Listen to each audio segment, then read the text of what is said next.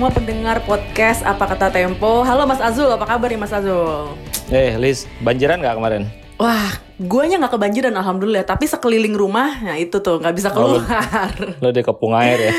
Kebanyak eh, warga Jakarta Barat udah paham biasanya kalau yang deket-deket kebun jeruk gitu-gitu permata hijau ya udah paham. Eh tapi kali ini kita nggak ngomongin banjir Mas Azul, kita bakal ngomongin eh, vaksin mandiri. Nah kita udah kedatangan tamu nih. Tamunya Ah. jauh nih lagi di Singapura. Je. Selamat malam Bang Ainun. Selamat malam. Halo. Bang Azul, Mbak Lisa. Nih ada Bang Ainun Najib nih ya, eh, inisiator kawal COVID-19.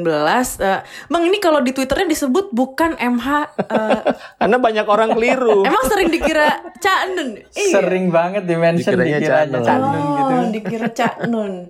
Oke oke oke. Nah, Bang Ainun ini ngobrol nih dari Singapura. Nah, tapi eh, seperti yang kalian semua mungkin udah pada tahu ya kalau Bang Ainun ini pendiri kawal COVID-19.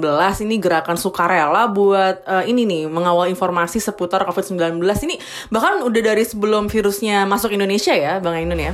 Iya, sehari sebelum persis atau Sehari setidaknya sebelum. secara resmi lah ya, secara resmi kalau virusnya kan udah masuk dari agak lama gitu. Dan sebetulnya alasan kenapa teman-teman gelisah dan bikin kawal Covid itu ya karena ini harusnya udah masuk ini tapi kok pemerintah denial terus gitu. Pakar epidemiologi Harvard waktu itu juga udah bilang gitu kan. Ya, itu juga salah satu alasan. Dan ini tanggal 2 ini itu bentar lagi loh kita memperingati satu tahun eh, pasien pertama ya. Anniversary. Anniversary. Resmi, Anniversary. pasien Iya, number one itu. anniversary. Itu menarik gitu. Fashion number one. Nah ini Bang Ainun ini kita ngajak ajak ngobrol uh, soal editorial Tempo tentang lubang-lubang program vaksinasi. Jadi uh, mungkin udah pada tahu ya kalau vaksinasi kemarin yang tahap pertama itu udah buat nakes gitu ya. Tapi faktanya ini nih Mas banyak yang nyerobot nih Mas Azul. Ada pejabat, ada anggota DPRD, sosialita kan yang sempat viral kemarin juga. Terus katanya ada anggota Dewan Pers juga Mas Azul. Gimana tuh Mas komentarnya? Iya, jadi eh, ini yang kita apa sayangkan ya teman-teman ke- ke- ngelacak ke beberapa tempat itu eh, di Ogan ya, Ogan Komering Ulu itu ada anggota istri dari anggota DPRD gitu kan. Lalu kemudian ada eh, sosialita yang beredar ya. Eh, kalau anggota Dewan Pers itu sebetulnya karena dia merupakan bagian dari tim eh, media sustainability eh, yang salah satunya adalah mengurus soal ini soal apa COVID dan dan vaksin gitu. Jadi dia masuk lewat eh, apa namanya jalurnya eh, satgas anti COVID kira-kira gitu. Eh, di laporan Tempo angkanya tuh kira-kira diperkirakan 5% ya. 5% dari 140 sorry 1,43 juta eh, vaksin yang dialokasikan buat tenaga kesehatan. Gitu, Lis. Oke.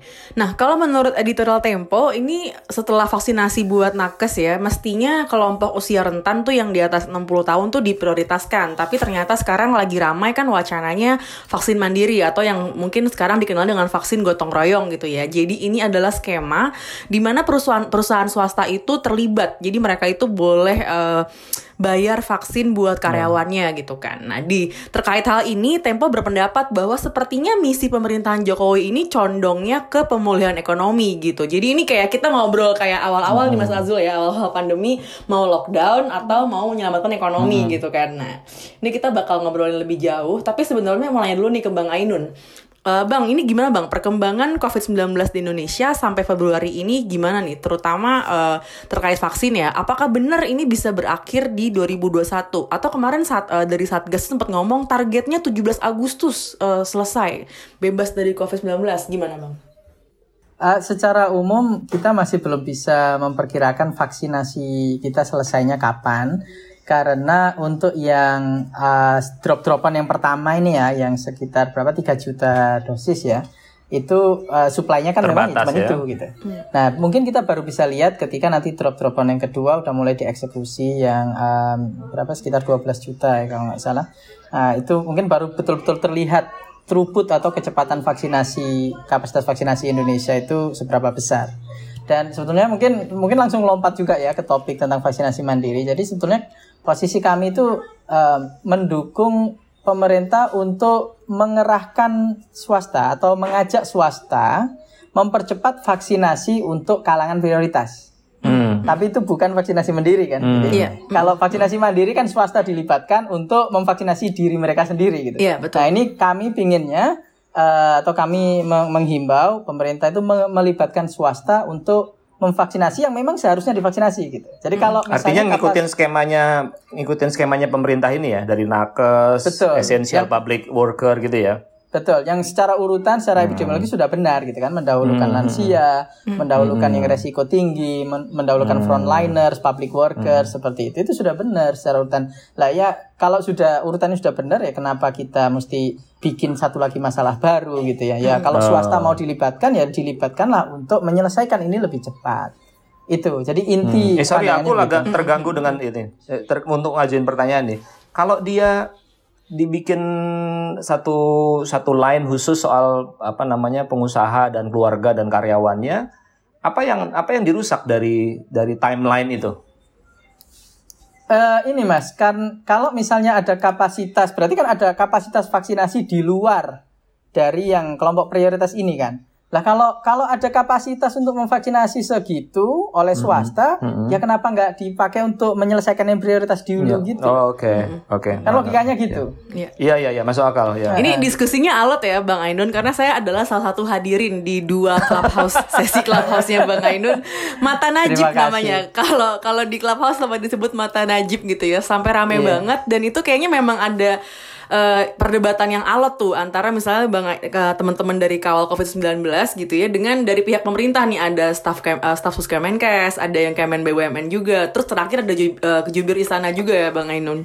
Iya, iya betul. Itu uh, cukup alot diskusinya memang dan uh, akhirnya harus ada babak kedua yang fokus ke spesifik apakah uh, apa namanya vaksinasi mandiri akan berarti mendahulukan yang muda ketimbang yang tua gitu kan esensi masalahnya di situ. Iya, betul. Dan itulah juga yang membawa kami ke kesimpulan akhir itu tadi. Kalau memang pemerintah mau melibatkan swasta uh, supaya lebih cepat, ya sudah percepat yang prioritas gitu. Jangan percepat dengan yang lain-lain yang sebetulnya nggak prioritas kan aneh. Ya, kita percepat tapi ya kita percepat yang prioritas dulu. Sampai selesai dulu. Nah, kalau sudah selesai itu yang prioritas, yang lansia sudah selesai semua, para kiai yang sepuh-sepuh sudah selesai semua, para apa namanya bapak ibu kakek nenek, para guru, para dosen, apa namanya para petugas apa, pelayanan publik, orang-orang yang high risk untuk terekspos dan seterusnya yang komorbid, semuanya sudah selesai, barulah kita bicara vaksinasi yang uh, usia muda, misalnya yang buruh, industri dan seterusnya gitu. Cukup realistis nggak sih itu Bang Ainun? Kalau kita melibatkan swasta, tapi dia disuruh masuk dalam skemanya pemerintah, artinya itu kan murni hibah atau CSR gitu ya. Dia tidak dapat benefit langsung sebetulnya. Nah, yang yang saya bayangkan ini kalau kita ngobrol sama pengusaha-pengusaha ya, dia kepengennya dapat benefit langsung, yaitu ya udah karyawannya, buruh pabriknya supaya pabriknya cepat apa namanya berproduksi lagi, lagi. gitu kira-kira logikanya kan gitu, Bang Ainun. Nah ini ini yang em, sayangnya di Indonesia kita nggak punya kerangka itu ya, kerangka hukum seperti itu. Atau saya mungkin nggak tahu hukum. Em, ini menurut saya analoginya itu perang semesta. Ini Hmm. adalah perang semesta gitu. Jadi iya swasta dilibatkan, tapi ya bantulah program pemer- perang ini gitu, sukseskan dulu, em, amankan dulu daerah-daerah yang yang rawan gitu kan. Eh, kalau analoginya perang gitu kan, ya swasta terlibat tapi terlibat dengan urutan dan strategi yang benar gitu. Iya. Oke, aku mau nanya ke Mas Azul dulu nih sekarang. Eh, apa sih Mas Azul yang bisa kita evaluasi dari vaksinasi tahap pertama? Ini temuan Tempo gimana nih Mas di lapangan? Satu ada problem di mana eh, data kita jelek, ya data kita jelek. Jadi di batch satu yaitu nakes itu kelihatan bahwa kita te- centang perenang tersengal-sengal dalam menjalankan yang 1,4 sekian juta itu, gitu kan?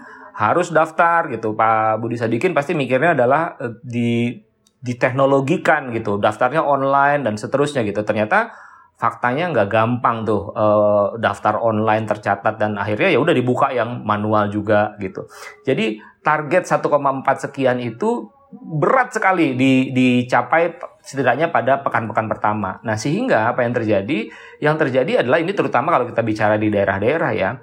eh, Kepala-kepala daerah yang juga punya target untuk memvaksin itu akhirnya mencari inisiatif-inisiatif terobosan-terobosan yaitu memberikan vaksin bukan uh, kepada tenaga kerja eh tenaga kesehatan yang masih per, dalam periode batch yang bersangkutan gitu. Jadi itu dia udah macam-macam tuh uh, di hari pers kemarin saya nemuin berita misalnya di satu daerah tertentu vaksinasi kepada wartawan. Ah gitu loh. Ya gue juga wartawan cuman kan nggak gitu-gitu amat gitu kan. Nah begitu dia masuk ke ke pelaksana daerah nah tadi juga kita ada diskusi Kementerian Kesehatan udah nggak punya tangan ternyata gitu. Karena si vaksinnya sudah dideliver kepada daerah dan daerah itu dia punya payungnya adalah undang-undang uh, desentralisasi yang mengatakan bahwa urusan-urusan kesehatan wilayah daerah gitu. Jadi apa yang terjadi di daerah yang ditulis Tempo minggu ini ada di Oga dan sebagainya itu itu kalaupun Kementerian Kesehatan tahu dia nggak bisa ngapa-ngapain karena itu hmm. sudah di deliver gitu. Itu satu ya jadi problem pendataan. Kedua memang uh, ya itulah ada orang-orang yang punya uh, privilege hmm. punya posisi tertentu yang pengen cepet gitu dan dia udah lupa tuh dengan urutan dan sebagainya. Pokoknya gue orang yang sibuk, gue ketemu orang, gue harus divaksin. Kalau enggak, gue nggak aman. Toh pada, ah ini argumentasinya. Toh pada akhirnya seluruh rakyat Indonesia akan divaksin. Gitu. Nah, concern kita adalah kalau betul angka 5% bocor, dalam tanda kutip ya bocornya, maka kira-kira ada 1,43 5 persennya. Kira-kira 7, 7 berapa? 700 70 ribuan begitu orang yang uh, tenaga kesehatan yang tidak mendapatkan haknya kan. Nah, bayangkan kalau misalnya tenaga kesehatan itu adalah mereka yang berada di garda depan gitu. Jadi mereka inilah yang terdampak. Tentu saja logikanya tidak bisa sesederhana ini, tapi itu uh, saya mau gampangin aja kira-kira hmm. itu dampaknya gitu. Orang bisa mengatakan bahwa itu tidak signifikan angkanya, itu uh, uh, terlalu nyinyir barangkali ya di saat kita lagi berperang melawan ini udah deh bocor-bocor dikit misalnya begitu. Nah, Tempo mengambil posisi etik barangkali ya gitu kita mengambil posisi etik yang nggak bisa nih nggak bisa hmm. nih begini nih kita harus kita harus karena setelah uh, gini nakes itu kan sebetulnya kategori yang relatif mudah didefinisikan kan hmm. siapa sih nakes dokter perawat ya. gitu gitu kan kita bisa susun kan nah ini saja bisa melenceng melenceng hmm. misalnya ada temuan uh, seorang apoteker yang sudah tidak lagi bekerja ya. jadi hmm. kartu anggotanya itu udah expired hmm. gitu Nah, dia bisa mendaftar gitu. Ya tentu saja dia ada pernah menjadi tenaga uh, kesehatan berupa apoteker, tapi apoteker itu posisi yang di belakang meja, hmm. bukan berhadapan sama pasien langsung gitu. Nah, ini terjadi pada tenaga kesehatan yang definisinya relatif mudah kita bikin.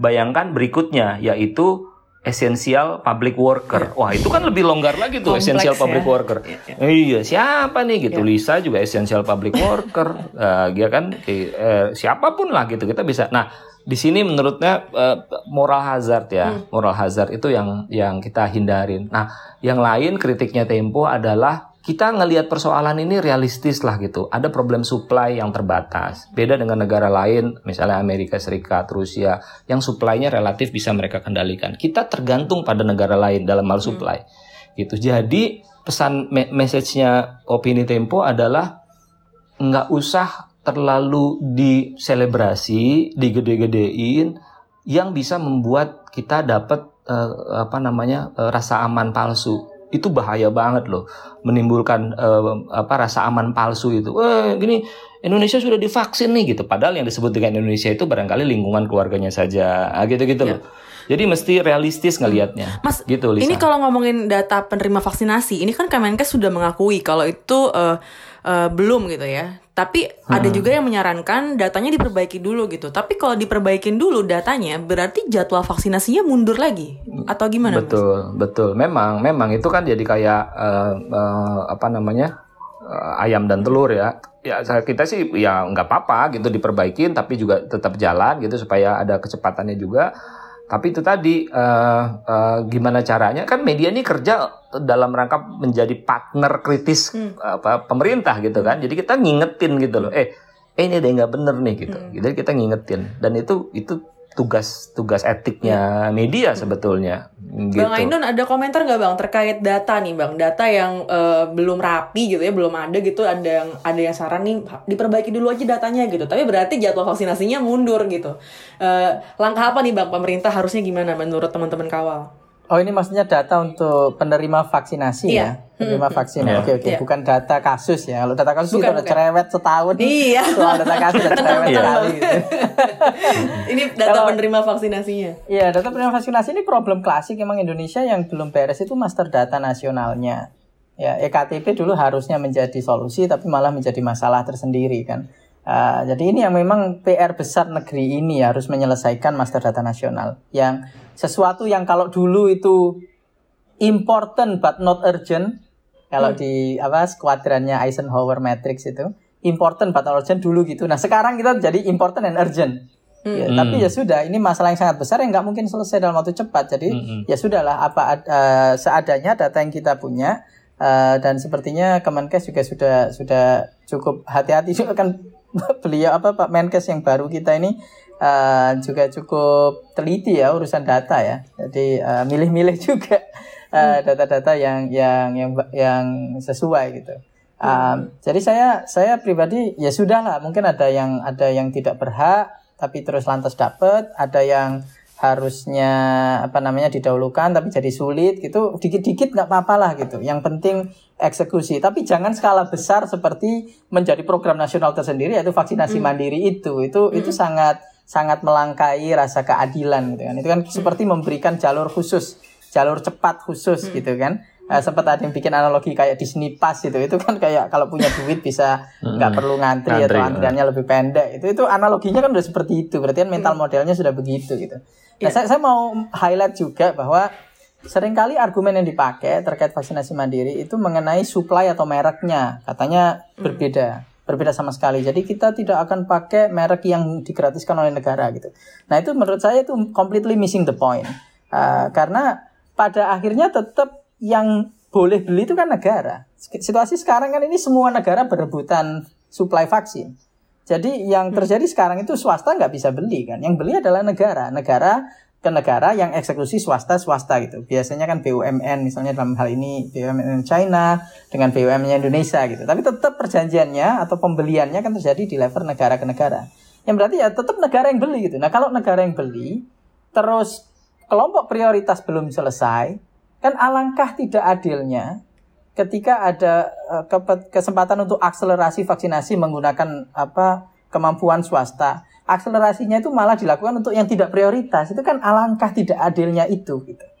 Nah, eh, makanya kesimpulan akhirnya ya kita kita ajak lah untuk untuk eh, mem- memberdayakan swasta untuk mempercepat eh, kelompok prioritas. Dan kalau kelompok prioritas balik lagi ke pertanyaan data tadi ya, eh, sepertinya kalau kalau kelompok prioritas relatif eh, tidak tidak besar ya. Eh, resiko salah data atau apanya itu relatif tidak besar gitu. Maksudnya orang nggak bisa mengaku-ngaku kalau dia tua. saya nggak bisa ngaku kalau saya di atas. Lansia gitu ya bang ya. ya kalau lansia, terutama lansia kan. Terus yang comorbid juga kan ada health recordnya. Nggak bisa ngaku-ngaku kalau saya punya diabetes kalau nggak punya diabetes gitu kan. Jadi relatif secara secara data eh, tidak masalah lah.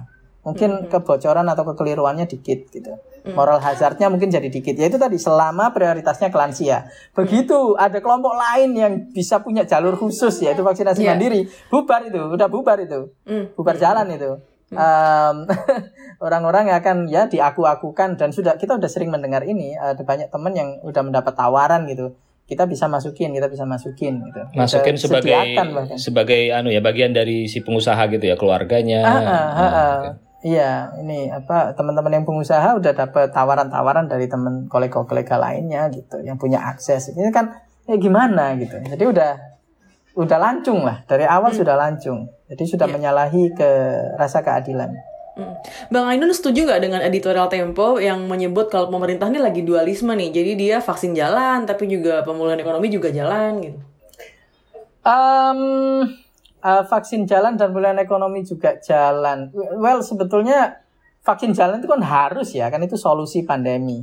Mungkin itu bukan soal dualisme, tapi di di di eh, tanda tanyanya ya di kenapa memaksakan em, banyak komponen ekonomi harus dibuka kayak misalnya contohnya pariwisata ya. uh, ketika penanggulangan pandemi itu belum belum beres gitu.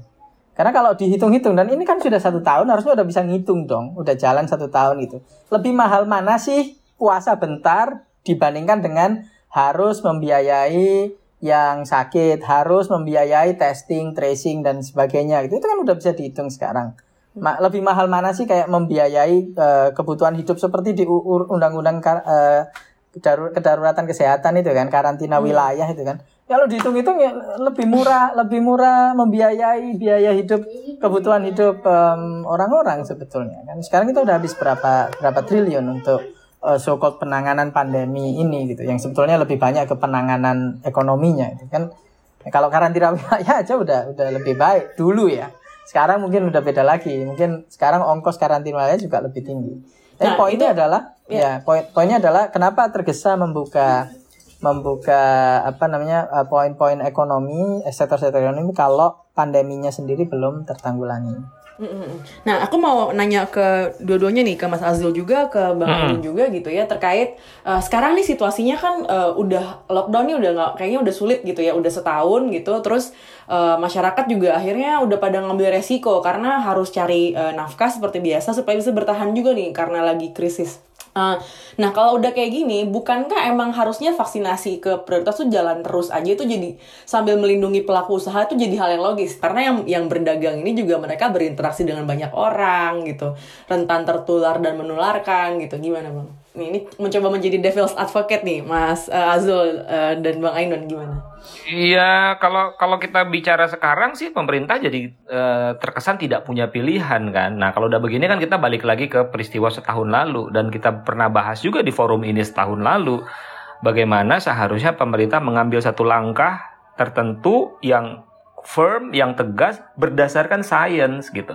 Sainsnya kan sudah terbukti di mana-mana kan. Oh, ini ada virusnya begini, dampaknya begini, apa yang mesti dilakukan 3T pemerintah, 3M masyarakat. Tapi itunya kan nggak dikerjain. Gitu loh, itu nggak dikerjain. Malah sibuk denial tadi uh, Ainun bilang gitu. Uh, obat pakai minyak kayu putih lah, pakai kalung lah, pakai apa. Itu kan terus terjadi gitu dan kita geli gitu ngelihatnya. Nah, sekarang kalau sekarang memang jadi udah apa namanya udah udah uh, ya nasi sudah udah jadi bukan bubur lagi kayaknya sih udah jadi udah udah remuk redam gitu. Nah yang saya mau bilang adalah ingat bahwa vaksinasi ini bukan silver bullet gitu ya bukan peluru perak yang bisa menyelesaikan semua persoalannya enggak loh. Emang kalau Lisa divaksin sekarang dua kali lalu efektif sebulan setelah vaksin kedua itu Lisa tidak terinfeksi terinfeksi. Cuma resikonya jadi sekian kali lebih rendah untuk bergejala gitu. Kalau Lisa terinfeksi setelah vaksin bisa nularin nggak? Bisa gitu. Ketemu sama teman, ketemu sama apa itu akan terinfeksi. Nah, kalau temannya sudah divaksin, ya kalian berdua terinfeksi gitu. Jadi hmm. jadi proses infeksiusnya itu tetap berjalan gitu jadi dia bukan peluru yang bisa berkurang, nyelesain ya. ya berkurang, berkurang memang tapi tetap berjalan kayak merembes gitu loh. iya betul gitu jadi hmm. jadi jangan dianggap ini sebagai wow langsung pesta dia udah suntikan pertama kayak artis itu kan langsung wih gue udah vaksin gitu nggak bener itu itu yang mesti ini yang yang saya khawatir betul rasa aman palsu ya uh, hmm. ini yang yang yang Nah ini ditambah lagi dengan selebrasi-selebrasi. Di liputan Tempo tuh lucu banget tuh ada cerita tentang di beberapa daerah vaksinasi nakes tidak berjalan karena nunggu kepala daerahnya gunting pita. Can you imagine ya, that ya. gitu? Hmm. Yang itu gila gitu loh. Ya. Sementara harusnya sudah jalan gitu. Kalau kita ngomong sama Pak Budi Sadikin dia juga marah gitu. Cuman itu di luar uh, apa wilayah jurisdiksi dia lah gitu. That's real loh Lisa uh, Ainun. Hmm. Betul gitu. Iya. Bang Ainun gimana bang? Um, Oke, okay, pertama kita nggak pernah lockdown. Di seluruh Indonesia kayaknya nggak ada yang, yang lockdown gitu. Hmm. Bahkan ada seorang kepala daerah yang bikin istilah apa itu uh, steril atau apa gitu. Kan iya. asalkan nggak disebut lockdown kan, gitu. Yeah. Saya bilang gitu kan. yeah. ya, jadi itu biar biar jelas aja gitu. Karena kita nggak nggak hmm. nggak pernah nggak pernah benar-benar lockdown. Lockdown yeah. kalau dalam definisi kita undang-undang kesehatan itu uh, karantina wilayah dan kita nggak yeah. pernah melakukan karantina wilayah. Jadi hmm. harus clear dulu ya. Um, itu satu. Terus yang kedua tadi um, kalau kalau sini sudah um, sudah situasinya udah udah apa namanya yang yang perlu keluar beraktivitas berekonomi Iya. itu juga perlu gitu kan. Nah ini kan sudah sesuai dengan aturan tadi prioritas. Kan dalam prioritas itu yang kedua tahap kedua ya itu selain lansia, komorbid dan sebagainya juga ada pelayan publik, eh, frontliner, eh, essential workers yang memang pe- apa pekerjaannya itu bertemu banyak orang gitu. Jadi poinnya itu bukan dia adalah swasta, dia adalah pelaku industri, dia adalah keluarga karyawan perusahaan, bukan. Tapi dia adalah seorang pekerja atau seorang pengusaha atau seorang apa namanya em, service person yang harus ketemu banyak orang gitu. Poinnya kan di situ.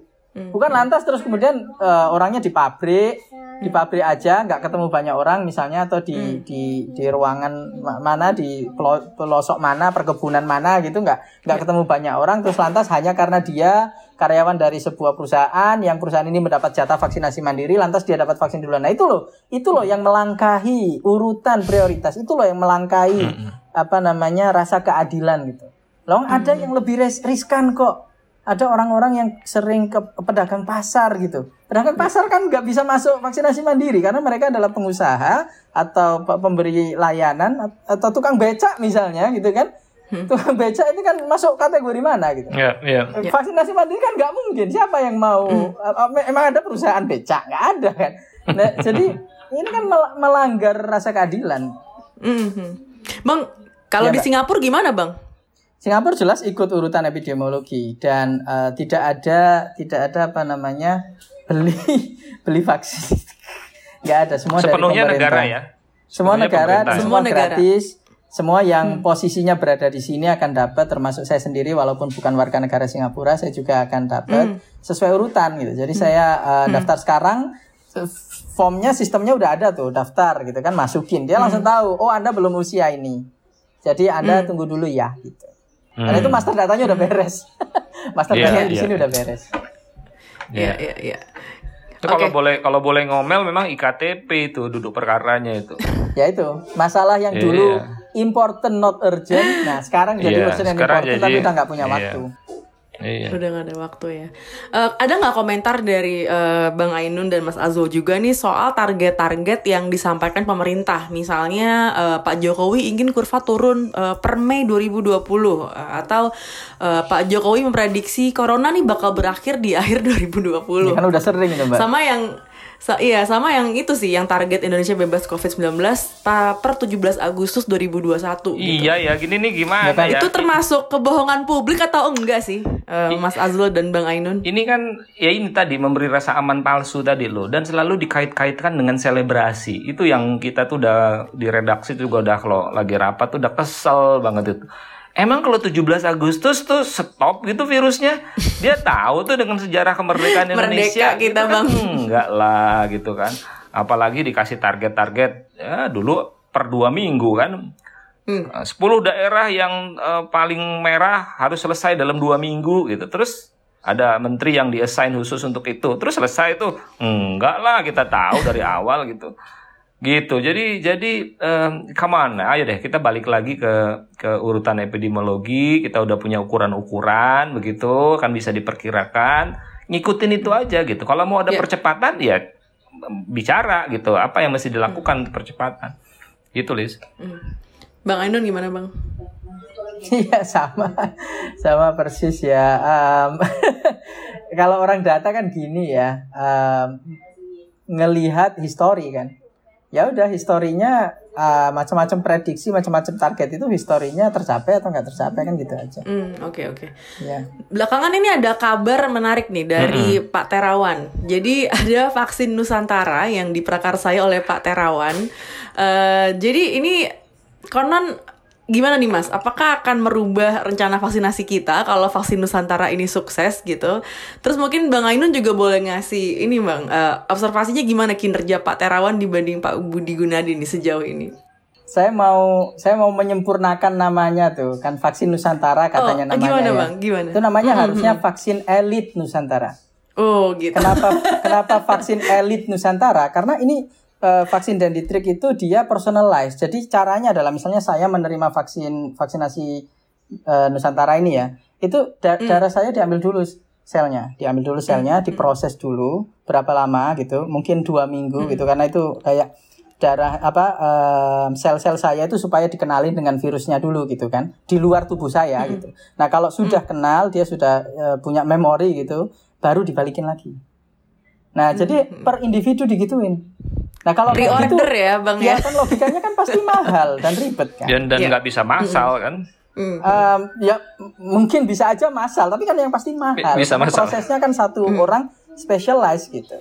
Nah, kalau kayak gitu kan berarti ya hanya yang yang mampu aja yang bayar. Makanya saya bilangnya vaksin elit Nusantara gitu. Disempurnakan aja namanya. Mas Azul berminat kayaknya nih vaksin elit Nusantara. Eh, saya lagi ragu ya itu bisa jalan sesuai dengan ininya karena Pak Terawannya kan juga udah diassign jadi dubes gitu. Ya, nanti kadang-kadang oh, dia iya sibuk. dia sibuk ya sebagai dubes jangan dibilang dubes nggak ada kerjaan loh, sibuk banget itu gitu. Hmm. Jadi jangan-jangan nanti malah terhambat. Itu gitu. kami mendukung sekali gitu. Oke. Okay. Tapi gimana sih kinerjanya nih Pak Budi Gunadi yang sekarang menjabat sebagai Menkes dibandingkan dengan Pak Terawan? Boleh minta komentarnya dari Mas Azul dan Bang Ainun. Siapa dulu nih? Uh... Bang Ainun dulu, Bang Ainun dulu. Ah, coba. Membandingkan hmm. gitu ya. Iya. Mm, Saya tuh sering bilang gitu, bercanda, setengah bercanda tapi setengah serius juga bahwa uh, setelah hampir satu tahun pandemi, akhirnya Indonesia punya Menteri Kesehatan. hmm. ya gitu aja Mbak udah, itu kan udah jelas. Gitu, gitu aja ya. mas Azul gimana Mas? Gini kekuatannya Pak BGS ini uh, apa komunikasi publiknya bagus banget hmm. gitu. Jadi dia jadi bandul yang bergerak dari kiri ke kanan. Hmm. Pak Terawan yang diwawancarai di Mata Naja sebagai kursi kosong begitu. Nah kalau sekarang Pak Menterinya datang gitu. Uh, hmm. Kemarin saya kira sama Bang Ainun juga kan itu di uh, clubhouse dia menjelaskan sampai jam berapa hampir tengah malam terus saya juga datang udah belakangan gitu. Jadi dia mau hmm. jelasin itu dan menurut saya uh, uh, logis ya uh, apa cara berpikirnya logis uh, dan dan jelas. Tentu dia berhadapan dengan banyak problem-problem di dalam organisasinya sendiri atau di dalam pemerintahannya gitu. Saya kira untuk pertama kali Menteri Kesehatan Indonesia di era pandemi itu Pak Budi Sadikin yang mengatakan bahwa kita harus segera berpikir tentang bagaimana memperbaiki genteng bocor dan yeah. nggak sekedar ngepelin lantai yang terus basah karena yeah. genteng bocor tadi gitu. Nah sebelumnya kan nggak pernah tuh ada pikiran begitu gitu. Semua terus uh, berbohong terus denial menutupi satu persoalan dengan isu yang lain dan seterusnya gitu. Jadi uh, ya saya kira tidak salah kalau Ainun bilang untuk pertama kali kita bikin punya menteri kesehatan tapi harus ada catatan juga. Gini siapa pun orangnya kalau masuk ke dalam birokrasi di Indonesia birokrasi dan sebuah situasi politik tertentu itu bisa hanyut juga gitu. Waduh kita udah banyak banget lah pengalaman ya, ada teman sendiri yang masuk ke sana hanyut gitu. Nah, yang kayak begini tuh mesti dikawal gitu. Jadi kawal COVID ini jadi penting nih gitu. Jadi Ainun ini nggak boleh dimusuhin, dia harus dirangkul, dia harus dirangkul sebagai orang yang terus ngomelin gitu. Nggak apa-apa. Ya, Tempo ya, juga ya. harus dirangkul konsisten gitu kita ingetin terus ya. gitu, ingetin terus karena logika lo. Nah, tadi Lisa barusan ngomong selesai ya 17 Agustus 2021. Ini kan di luar akal sehat kan. Nah kalau iya. menterinya iya. itu ABS asal bapak senang, ya dia akan bilang oh iya pak. Gitu. Padahal itu sesuatu yang yang bullshit gitu, omong kosong. Gitu, Lis. Oke. Okay saya sebenarnya pengen komen tentang apa yang terjadi di clubhouse oh, gimana, kemarin. Cuma nggak boleh ya, nggak boleh ya Mas Azul ya. Iya bang ya, kan itu off the record, jadi saya nggak jadi ngomong. kita mau ngomongin ini nih. Terakhir mungkin kita mau ngomongin soal vaksinasi, karena kalau data dari Bloomberg ini ngitung-ngitung kalau vaksinasi di Indonesia ini cuma 64 ribu dosis uh, per hari 64 ribuan gitu ya. Jadi uh, kita tuh mungkin baru bisa mencapai kekebalan uh, kom, apa herd immunity itu 10 tahun lagi gitu. Kalau data dari Bang Ainun gimana Bang? Apakah uh, teman-teman kawal COVID-19 nih optimis kalau vaksinasi 181 juta orang di Indonesia itu bisa selesai di tahun ini?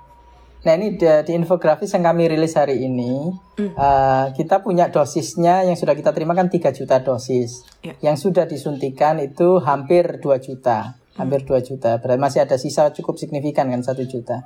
Jadi kalau ngelihat angka ini saja, itu kesannya seolah-olah masalahnya bukan di supply dong gitu. Berarti Hmm. kenapa kok Hmm. nggak bisa cepat habis itu berarti kan di eksekusinya Ya, itu. Distribusi, kenapa ya. kesimpulan Hmm. distribusinya Ya, gitu. ya. Kesimpulan dan juga penyuntikannya ya. Hmm. Kesimpulan kami bahwa ya sebaiknya eh, seluruh ini perang semesta gitu ya, seluruh kemampuan swasta juga dilibatkan untuk mempercepat eh, vaksinasi yang kelompok prioritas gitu. Jadi suplainya ini biar cepat habis gitu.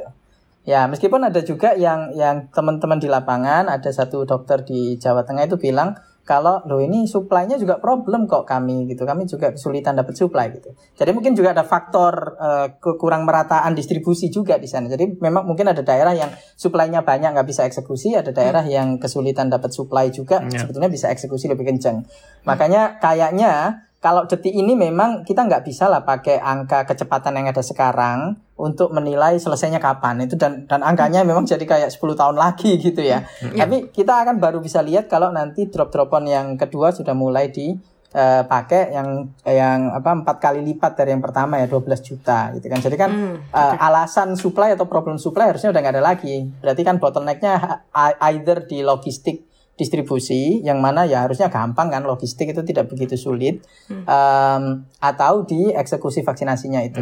Nah itu nanti kita akan lihat angka benerannya di, di tahap 2 itu angka benerannya seperti apa kecepatan kemampuan kita. Nah itu mungkin akan kelihatan banget kita perlu bantuan swasta enggak gitu. Nah kalau Iya. kita beneran perlu bantuan swasta yaitu kami menghimbau supaya tetap swasta dilibatkan iya tapi yang prioritas dulu yang lansia yang resiko tinggi yang eh, pelayan publik dan seterusnya Mas Azul, kita kan sebenarnya eh, awalnya tuh kayak kita tuh lebih dulu dibanding negara tetangga kayak Malaysia gitu ya, so, terkait soal vaksinasi. Sekarang gimana nih Mas Azul nih?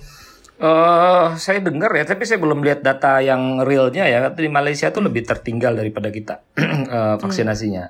Eh, Tentu agak tidak terlalu fair lah ya kalau membandingkan kayak gitu ya. Tapi saya kira Indonesia, Malaysia distribusi apa penduduknya penduduknya pasti lebih berbeda. Distribusi orangnya lebih lebih terdistribusi kan kita gitu kan. Mereka cuma satu pulau sama ada satu pulau di Kalimantan gitu ya. Eh, tapi eh, di Indonesia to some extent bisa lebih cepat gitu. Tapi tentu saja kita nggak bisa bandingin itu. Kalau kita bandingin dengan negara maju ya lebih lebih minder lagi kita. Ya Amerika tuh 17% yang saya baca terakhir sudah tervaksinasi jadi eh, kelalaian yang kalau nomor satu Israel. Ya Israel, Israel eh, tercepat Israel ya. tercepat. Amerika tuh pernah dalam satu tit dalam satu titik itu pernah memvaksin orang 2 juta orang dalam satu hari, gitu. Tapi sekali lagi eh, Amerika tuh tidak punya problem dengan supply sama sekali ya, Eh, tidak punya problem dengan distribusi, tidak seserius Indonesia gitu. Jadi ya udahlah kita coba kawal lah ini ada kawal COVID, ada kawal Ainun juga kita bikin ya, supaya dia nggak diserbu terus di sosial media. iya nih. Eh, mau nambahin kalau kalau membandingkan dengan negara lain terkait vaksinasi Hmm. itu harus dilihat juga eh, tanpa vaksinasi seperti apa kondisi negaranya gitu. Hmm. Kayak misalnya China, China nyantai-nyantai aja, bahkan lambat sekali mereka melakukan Hmm. vaksinasi. Mereka lebih memprioritaskan untuk mengekspor ke negara-negara yang kelimpungan seperti Indonesia gini kan. Jadi Hmm. eh, mereka produsen vaksin, tapi mereka tidak kesusu, tidak tergesa-gesa menyelesaikan vaksinasi. Kenapa? Ya karena beres pandeminya tanpa vaksin gitu. Iya. Pandeminya beres gitu loh. Eh, Vietnam misalnya, Vietnam juga beres kasusnya juga eh, sering kali Iya, nol gitu kan. Singapura juga nggak kesusu dan nggak kesusunya Singapura pun tahun ini kelar targetnya itu. Ya, ya se- seperti itu Malaysia juga demikian. Malaysia re- relatif jauh lebih berhasil daripada kita dalam menangani pandemi sebelum adanya vaksin gitu. Ya. Jadi ya wajar lah kalau mereka tidak kesusu dan mendahulukan yang yang um, mungkin lebih amburadul seperti kita gitu. Quote unquote gitu. Tapi tetap aja Malaysia juga ada kegelisahan juga kan masyarakatnya juga kok kita belum kunjung dapat vaksin sampai ada menterinya yang minggu lalu di clubhouse juga bikin bikin clubhouse room menterinya tuh Khairi Jamaluddin itu eh, menjelaskan tentang vaksin bahwa Ya. akan segera dapat minggu depan eh, supply pertama dan seterusnya dan sebagainya gitu. Oke. Itu dia tadi kali ya pembahasan kita soal vaksin mandiri seru banget nih sebenarnya Seru obrolannya banget, Eh, seru apalagi banget, seru ada banget. Bang Ainun gitu ya ini sebenarnya nih uh, kawal Covid-19 ini nih sambutan dari publik gimana eh, Bang Ainun? Sering jadi rujukan ya, sering jadi rujukan nih buat teman-teman media. Macam-macam ada yang ngasih sambutan, ada juga yang ngasih sambitan juga. Waduh. Tapi yang pasti sejak sebelum kawal COVID-19 kan Bang Ainun bikin kawal pemilu 2014. Betul, iya. Nah, 2014 terus 2019. waktu eh, eh, waktu itu waktu itu relatif eh, anu lah tidak terlalu banyak pro kontra kan Bang Ainun disupport lah gitu. Nah, supporternya Bang Ainun 2014 sekarang jadi penyerangnya dia. Iya. Betul kan? Saya udah kena cewer ya. Kena jewer. Oke oke oke. Tapi bagus banget sih apa yang dikerjakan oleh teman-teman kawal COVID-19 ini benar-benar uh, membantu kita semua ya dalam melihat informasi soal COVID-19 gitu. Uh, thank you banget ngobrol-ngobrolnya Bang Ainun sudah datang ke podcast apa kata Tempo. Uh, saya tunggu lagi tuh nanti sesi-sesi clubhouse-nya ya Mas Azul ya. Kita Iya akan datang. kita udah follow. Kita akan hadir. Kita Ya, follow. kita- Terima kasih nih. Terima kasih diundang ke sini. Sama-sama. Oke. Terima kasih semuanya sudah mendengar apa kata Tempo. Sampai jumpa minggu depan. Dah. Thank you, dadah.